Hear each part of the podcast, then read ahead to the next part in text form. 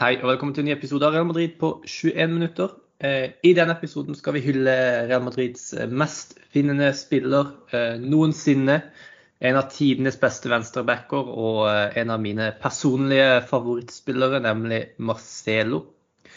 Det ble bekreftet at han forlater klubben denne sommeren. Han, det var en, en fin sånn avskjedsseremoni for han på mandag. Hvor Florentino Perez var til stede og mange andre viktige personligheter i, i Real Madrid. Med meg til å sånn, litt sånn oppsummere Marcelo sin tid i Real Madrid og, og stort sett egentlig bare hylle han, da, har jeg med meg Jone i dag. Hei. Hei, hei. La oss bare starte litt med sånn Hva betyr Marcelo for deg som spiller? For det er jo en spiller som de aller fleste Real Madrid-supportere som følger oss, og som er litt sånn på vår alder, da, eh, egentlig har Altså, Vi har utelukkende sett Marcelo på Real Madrids venstreback helt fram til nå hvor Mendy har begynt å ta over. Det er ikke så mange som, som husker Roberto Carlos så godt, kanskje. Kanskje de har sett han spille lite grann, men det er liksom Marcelo som har vært Real Madrids venstreback så lenge, stort sett så lenge vi har vært fans. Hvordan føles det å se han gå nå, og hvordan, hva er liksom dine følelser overfor eh, Marcelo? Hvor mye betyr han for deg som Real Madrid-sporter? Han betyr jo helt klart veldig mye. Det er som du sier, eh, litt når vi er på vår alder, altså jeg er jo i starten av 20-årene, um, så har han liksom bare alltid vært der siden jeg, begynte å, jeg begynte å følge med. Jeg ble jo liksom en supporter da jeg var sånn 6-7 år gammel, men uh, begynte ikke å følge med ordentlig før uh, for en 10-12 år siden, rundt 2010. Og da var han allerede en, en, en fast spiller på, i startelveren. Så det er som å si, Han har liksom alltid, alltid vært der. Alltid vært en sånn slags en sånn bunnsolid stein i det forsvaret der. Eh, som, eh, ja, som, som, som, har vært en del av den der kjernen av de gutta som man alltid eh, Ja, som du sier, vi har vokst opp med når vi er litt yngre. han og, og Sergio Ramos og Ronaldo osv. men han er jo den som har vært der helt til siste slutt. Også det å se han dra nå er jo selvfølgelig en litt sånn ambivalent følelse. Man Eh, så jo, eller Man skjønner jo det at han begynner å dra litt på årene og han begynner å bli en, eh, en gammel mann. Han eh, har kanskje ikke vært like god de siste sesongene som han var for noen år siden. Men samtidig så er han jo liksom Han er jo går jo inn i historien som en av de største Real Madrid-legendene. Um, så å se han forlate klubben er selvfølgelig en trist, en trist følelse. Mm. Ja, det er, det er, jo det. Det, det var det føltes mer eh, Det føltes faktisk litt vondere enn Ramos i fjor, spør du meg, etter min personlige mening. fordi at det var så mye annet med Ramos i fjor. ikke sant? Alt dette med kontrakten og uh, at det liksom var Det var en litt sånn spenning mellom Ramos og klubben, mellom Ramos og Florentino Perez. Dette var liksom egentlig bare sånn Det føltes virkelig som en, et, et clean brudd med, mm. med Marcelo. da, Veldig sånn naturlig måte å gjøre det på. Uh, man skulle kanskje ønske at det var en uh, seremoni som fant sted på Santiago Bernabeu, uh, men det går jo ikke da pga. Uh, byggingsarbeidet som foregår der. Mm. Kan jo starte litt med hvordan det var da, da, han kom til klubben. Da var det jo nevnte Roberto Carlos som hadde vært venstreback for Real Madrid i flere år. det var nok mange som anså han å være tidenes beste venstreback. og han var jo også en veldig annerledes type venstreback enn den, den, man fikk i Marcelo. da, altså, eh, altså Roberto Carlos var en, en, rask back, en sterk back. Eh, veldig sånn fysisk eh, robust og overlegen. Eh, mens Marcelo kom inn som en litt sånn spinkel 18 år gammel brasilianer som hadde gode ferdigheter. Han hadde eh, vært kåret, altså han var med på årets lag i den brasilianske ligaen før han kom. Eh, han kom jo også inn midt i sesongen, da. Så som en sånn eh, januarsignering, så det er jo Altså, vi kan jo iallfall diskutere om han kanskje er tidenes beste januarsignering. Ja, absolutt. Eh, det var jo ikke Det var vel ikke planen nødvendigvis at han skulle gå rett inn i startelva, men, han, eh, men han spilte seg ganske kjapt inn etter hvert der. Mm. Og vant også Han ble presentert da høsten det var november 2006. og så vant han vel liga med, med, Real Madrid da i 2007. og Da dro jo også Roberto Carlos fra klubben. og Man valgte å satse på eh, Marcelo som førstevalg på venstreback. Altså, dette her er 2007 det er snakk om. Det er jo det er så rart å tenke på. Det er så mange mm. år siden nå. Uh, han har vært der så lenge. Um, og så var det jo noen, altså Selv om de også vant ligaen i 07-08, så var det en periode her mellom 2008 og egentlig helt fram til sånn 11-12, uh, da Mourinho kom inn og man begynte å vinne litt ting igjen.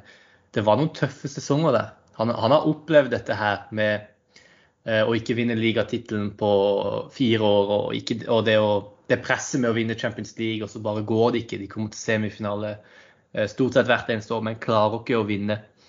Eh, og ja, altså, den perioden mellom 2008 og 2011-2012 omtrent var ganske tung for Real Madrid og for eh, Real Madrid-supportere.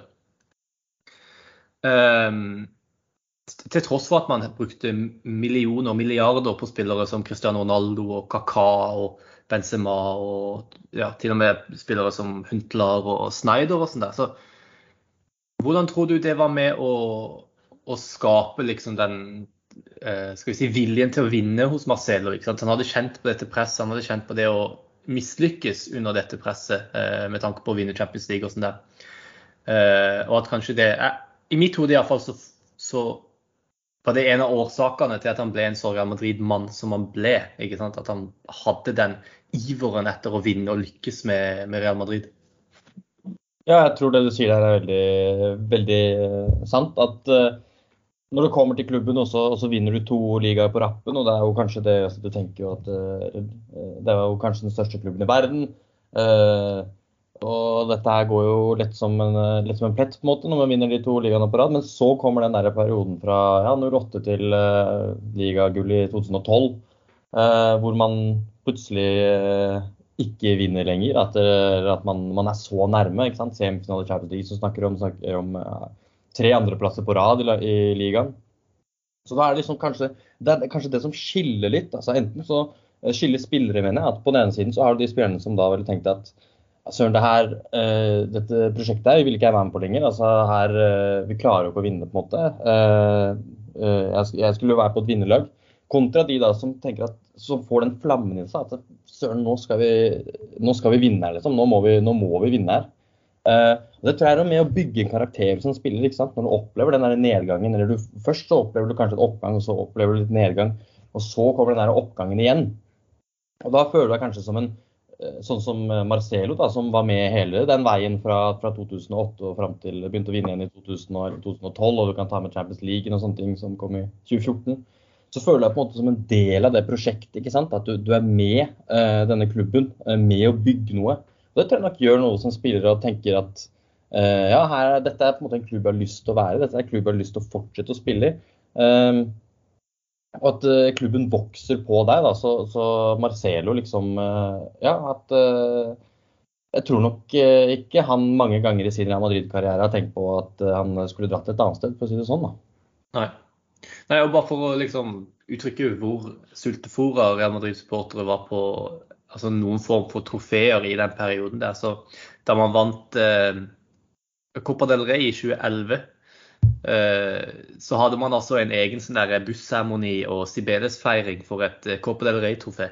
Mm. Eh, og det er jo ikke altså Hadde Real Madrid vunnet Copa del Rey denne sesongen, så er det ikke sikkert de hadde gjort det på samme måte, da, for å si det sånn. Eh, så han har jo virkelig kjent på denne motgangen, men det er jo, som du sier, 11-12-sesongen her. Mourinho Eh, som virkelig endrer noe hos eh, Marcelo. og selv om han har hatt motstand fra mange venstrebacker opp igjennom, eh, alt fra Fabio Contrao til Theo Hernandez til og med, så har det vært Marcelo som har vært fast på venstreback for Real Madrid. Og ja, når vi begynner å snakke 14-15, til og med 13-14 La Decima-sesongen, men kanskje spesielt 16-17 og 17-18-sesongen der da fikk vi jo se Marcelo på sitt absolutt, absolutt beste. Og ja, hvordan vil du beskrive Marcelo eh, i sin peak da, i de årene? Det var jo helt uh, fantastisk. Uh, på en eller annen måte så klarte de trenerne, Real Madrid-trenerne å liksom få ut det ypperste av uh, Marcelo. Det var denne venstrebekken som jo godt kunne spilt venstrekant, for han var jo nesten mer i angrep enn var i forsvar. Det er jo på en måte noe som definerer ham som spiller. at Han var jo egentlig, han var back, han spilte forsvar, men han var jo egentlig bedre i angrep enn han var i forsvar. Det har han alltid vært. Eh, at, han, at, de klarte å få ut det ypperste av en, en, spiller som løper opp langs venstrekanten, som, som slår innlegg i hytt og pine og er med opp i angrep og, og sånne ting. Eh, det var på en måte ikke noe man nødvendigvis hadde sett tidligere, da, på en måte, at en, en, en back kunne, uh, kunne være så, en så aktiv del av, av det angrepsspillet. Um, og så er det kanskje litt det som var nedgangen også, at man begynte å skjønne etter hvert hvordan man skulle, man skulle kontre dette her. Og man ser det kanskje senere. Nå, nå har det for så vidt begynt å komme litt fram igjen. Du ser Manchester City også, um, og, og, sånne lag som spiller litt mer offensivt på bekkene sine. Men akkurat den Marcelo-greia ble litt slått ned på. Men da mm. han fikk lov til å blomstre, som du sier i, i 16-17-18-sesongene, så var det jo altså det var jo nesten ingen som kunne eh, som var nær i det hele tatt. Han var jo bare ja, han eh, gikk jo rett inn i historiebøkene som en av verdens beste, historiens beste venstrebacker, jeg tør å påstå. Mm, ja, definitivt. Um, I 17-18-sesongen så skårte han jo også um, borte mot uh, Bayern München i Hva kan det ha vært? Det må vel ha vært semifinalen.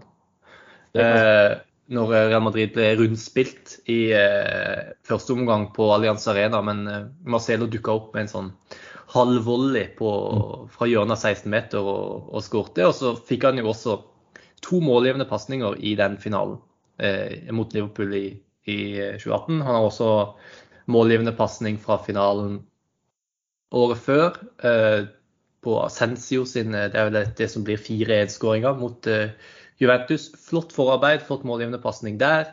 Skåring i 2014 i La Decima-finalen. Dette er en spiller som gang på gang har vist eh, ikke bare hvor god han er offensivt, men også at han kan bidra med, med mål da, og viktige målpoeng eh, i de aller største kampene.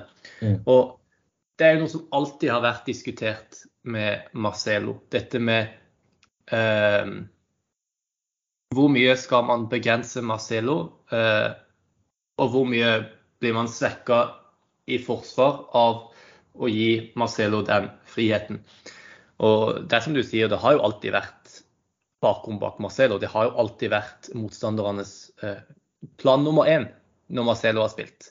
Få en rask høyrekant inn i det rommet bak Marcelo. Mm. Men det er litt det samme som du ser i, i Liverpool i dag, f.eks. Det er verdt det å la Trent Alexander Arnold trekke framover i banen fordi at han er så vanvittig god når han får skape ting der framme. Og sånn var det med, med, Marcelo også på sitt absolutt beste. Og eh, det var verdt det å la han få styre lenger fram i banen. Det var liksom alltid, alltid Man fikk alltid mer ut av det. Og ikke minst så tror jeg det har vært viktig for Cristiano Ronaldo at Marcelo har vært den spilleren han er. Eh, for du ser det på venstresida til Real Madrid i dag, hvor Venezia stort sett må gjøre det aller meste alene. fordi at men Dy er en langt mer defensiv venstreback, eh, og det gjør det litt mer forutsigbart eh, hva Real Madrid kommer til å gjøre på den venstre sida si. Men med Cristiano Ronaldo og Marcelo så var det umulig å vite hva de skulle gjøre. Marcelo kunne gå innover i banen, han kunne gå på utsida, og det ga Ronaldo en sånn Jeg mener at det ga han en, en, altså en mindre spiller som dekka han. For at man alltid måtte ha en eller to spillere til å også gjøre opp for en, en fremadstormende Marcelo. Så, og, og, det mener jeg til og med da Ronaldo ble flytta mer og mer inn i midten, eh, og han ble mer en ren spiss, så var han jo alltid, trakk alltid over mot venstre. Eh, og ja, man kan jo anta at det er pga. den relasjonen han hadde til, til Marcelo. Da. De var jo også gode venner eh, både på og utafor banen. Så hva vil du si om liksom, det der eh, partnerskapet mellom Marcelo og Cristiano Ronaldo? Eh, ja, hva, hva, tenker du om det? Ja, det er som du sier, det er veldig, veldig gode poeng du kommer med. og det er Kanskje hovedgreia er at du har på en måte to eh, spillere som er fleksible, eller som, kan, eh, som, har den friheten til å egentlig finne på hva de vil.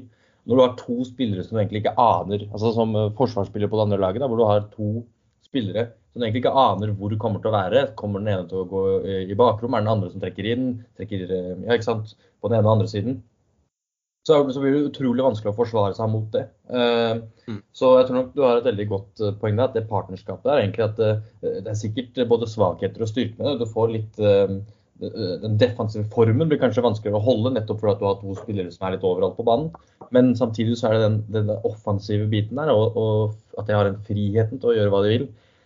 Det er jo eh, noe som skaper store problemer på motstandernes forsvar. Eh, så, og selvfølgelig at de Ofte så kunne det se ut som at de visste akkurat hva hverandre tenkte, eh, de to. Eh, Ronaldo og Marcelo. Så at de hadde et godt vennskap er det nok ingen tvil om.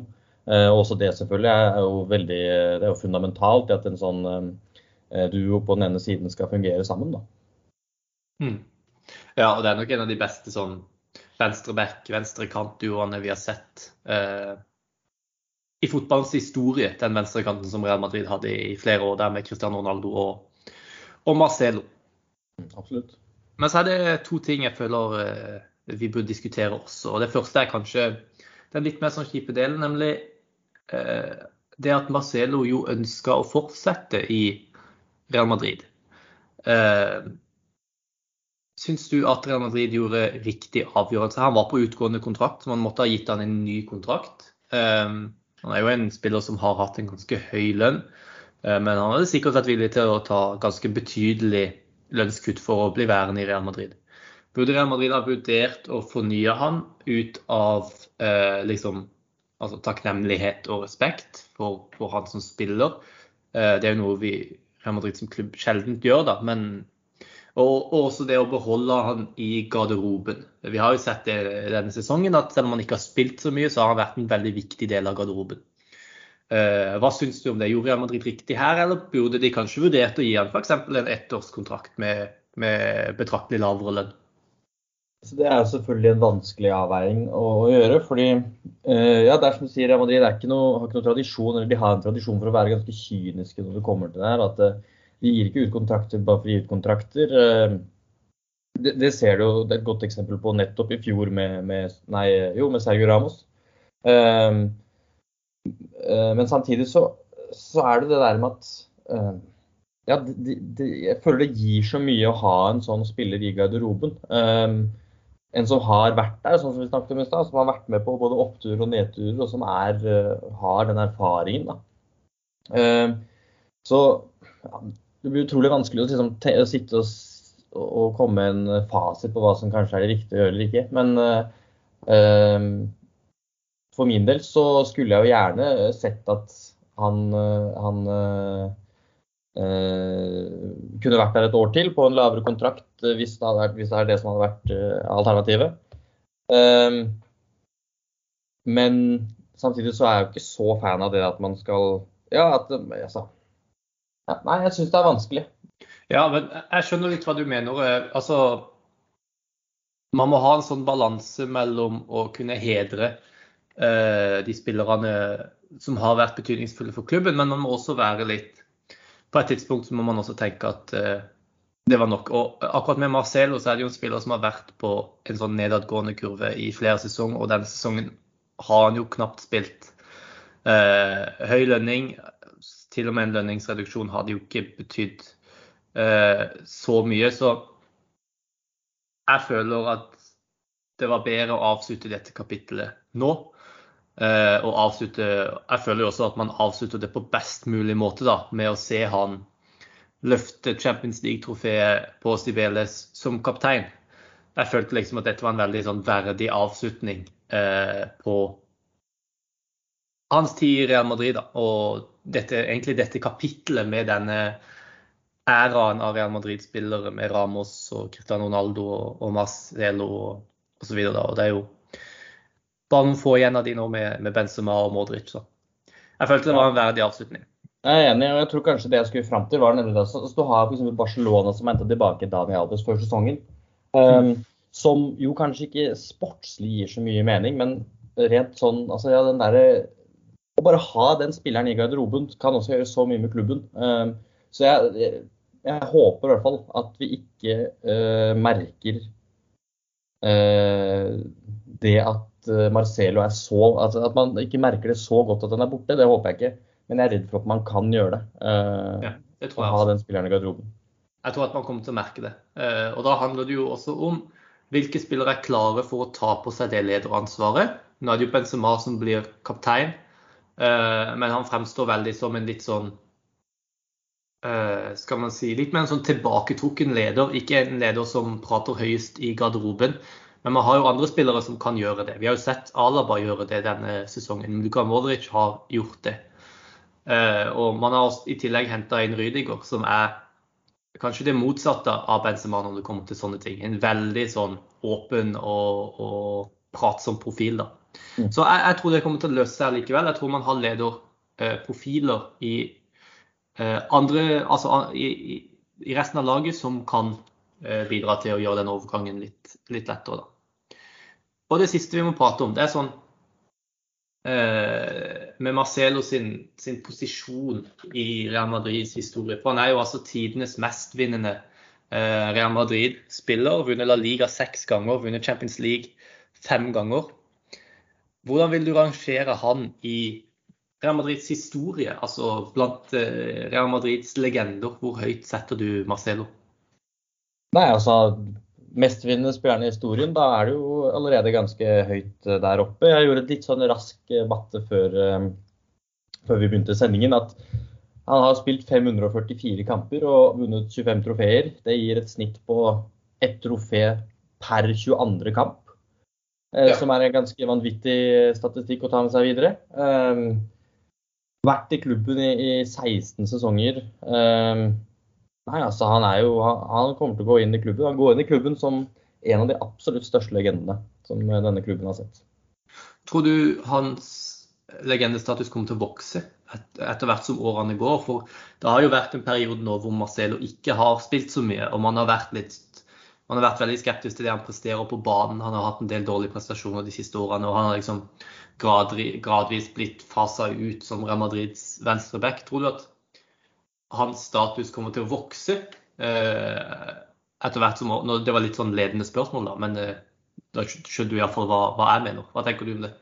Ja, jeg tror definitivt det. Jeg husker da vi, da vi hadde vunnet Champions League-finalen, så spilte vi også en episode, og da snakket vi om det at um, det, det, er vanskelig å på en måte fatte hvor stort det er å vinne Champions League altså fem ganger for en spiller da, på så kort tid også. Og for klubben hvor, hvor, stort dette er i det, i det, store bildet. på en måte. Det er kanskje ikke noe vi klarer å fatte helt før om, om noen år, da, for å si det på den måten. Og på samme måte så, altså Når du da ser tilbake på den, den uh, tiden som uh, Real Madrid hadde, så er det ja, det er mange store profiler som går enda med Ronaldo som kommer til å bli husket, Benzema kommer til å bli husket, Ramos kommer til å bli husket osv. Men det gjør også Marcelo, og Marcelo kommer til å bli husket som en av de mest avgjørende spillerne i den perioden. for at Real Madrid i det hele tatt klarte å vinne så mye som det de gjorde. Eh, og ja, altså Når du, som, som, vi sier, mestvinner spilleren når vi, når vi, ser tilbake på det her om, eh, om, 30 år, så er jeg helt sikker på at eh, den rekorden ikke er slått da heller. Han kommer fremdeles til å stå øverst på den lista over de mestvinnende spillerne. Og da ja, da tror jeg nok eh, alle kommer til å forstå hvor, eh, hvor avgjørende og hvor stor legende den spilleren er for denne klubben. Ja, han har altså vunnet Champions League eh, fem ganger på de siste åtte årene. Mm. Det er helt spinnvilt. Eh, det er det jo flere spillere som har gjort i Real Madrid. Altså Benzema har jo også gjort det. Eh, og Modric har også gjort det. Men det er bare Det er helt utrolig. Og er, jeg tror ikke vi forstår hvor heldige vi har vært som både har sett dette Real Madrid-laget eh, med spillere som Marcelo og Ramos og Modric og Benzema og sånn, men også hvor heldige vi har sett og hvor heldige vi har vært eh, som har fått se Eh, Marcelo på sitt aller, aller beste. Mm. Ja, det var egentlig det vi hadde tid til i dag. Det var en fin Marcelo-hyllest, syns jeg. Vi har fått ønske om å spille inn en podkast om Santiago Bernabeu, eh, en annen Real Madrid-legende, så det skal vi få gjort i løpet av sommeren. Men det var viktig å få ut denne Marcelo-hylsten først, da. Takk for at du var med i dag, Jone. Helt supert. Takk for at jeg var med. Takk til alle som hørte på, og til neste gang, à la Madrid. À la Madrid.